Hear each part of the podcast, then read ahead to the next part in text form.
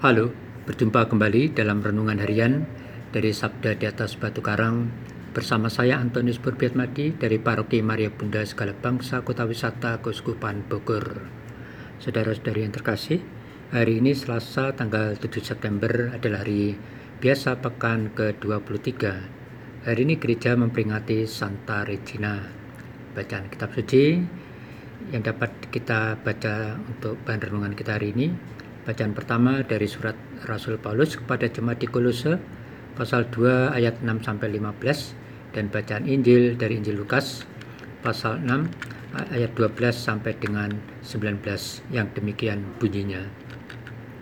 Pada suatu waktu pergilah Yesus ke bukit untuk berdoa dan semalam-malaman ia berdoa kepada Allah. Ketika hari siang, ia memanggil murid-muridnya kepadanya, lalu memilih dari antara mereka 12 orang yang disebutnya Rasul.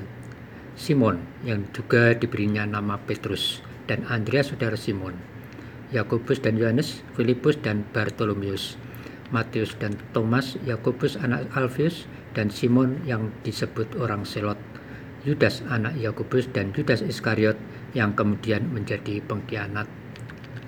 Lalu ia turun dengan mereka dan berhenti pada suatu tempat yang datar. Di situ berkumpul sejumlah besar dari murid-muridnya dan banyak orang lain yang datang dari seluruh Yudea dan dari Yerusalem dan dari daerah pantai Tirus dan Sidon. Mereka datang untuk mendengarkan dia dan untuk disembuhkan dari penyakit mereka. Juga mereka yang dirasuk oleh roh-roh jahat beroleh kesembuhan dan semua orang banyak itu berusaha menjamah dia karena ada kuasa yang keluar daripadanya dan semua orang itu disembuhkannya. Demikianlah Injil Tuhan. Terpujilah Kristus.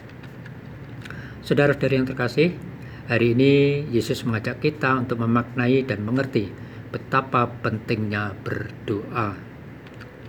Saudara-saudari yang terkasih, kalau kita baca dalam perikop-perikop lain dalam Injil, kita dapat temukan Yesus selalu meluangkan waktunya secara sendirian untuk berdoa guna membangun relasi pribadi dengan Allah Bapa. Biasanya Yesus melakukan hal itu ketika Yesus hendak membuat sikap atau tindakan penting seperti yang kita baca, kita dengarkan dalam bacaan Injil pada hari ini. Dan dari doanya yang semalaman itu menghasilkan sesuatu yang luar biasa, yaitu menetapkan ke-12 orang untuk menjadi rasul atau murid utamanya. Ada daya dari diri Yesus yang keluar sehingga menyembuhkan banyak orang yang menderita sakit dan tentu saja kemampuannya dalam mengajar. Saudara-saudari yang terkasih, jika kita berdoa secara khusus dan kusuk, biasanya ketika kita terutama mengalami pencobaan, ada masalah atau hal-hal penting atau berat yang harus kita selesaikan untuk dilakukan. Berdoa merupakan cara yang baik untuk membantu kita dalam menentukan sikap. Sebagai murid Tuhan, tentunya berdoa tidak hanya kita lakukan ketika kita menghadapi masalah atau sakit berat dan sebagainya, tetapi harus dibiasakan. Saudara-saudari yang terkasih, jika Yesus saja membiasakan diri untuk berdoa di waktu subuh, tentunya kita yang telah menjadi pengikutnya harusnya demikian pula.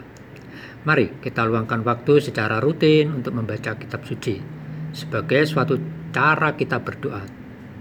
Dengan membaca kitab suci pun kita dapat membangun relasi pribadi lebih akrab dengan Allah di dalam diri Yesus pentingnya membangun kebiasaan berdoa akan memberi manfaat banyak bagi kita, tidak saja yang sifatnya rohaniah, tetapi juga yang lahiriah. Ya Yesus, ajarilah aku untuk berdoa, sehingga aku mengerti kehendak Allah dan mampu melakukannya. Amin.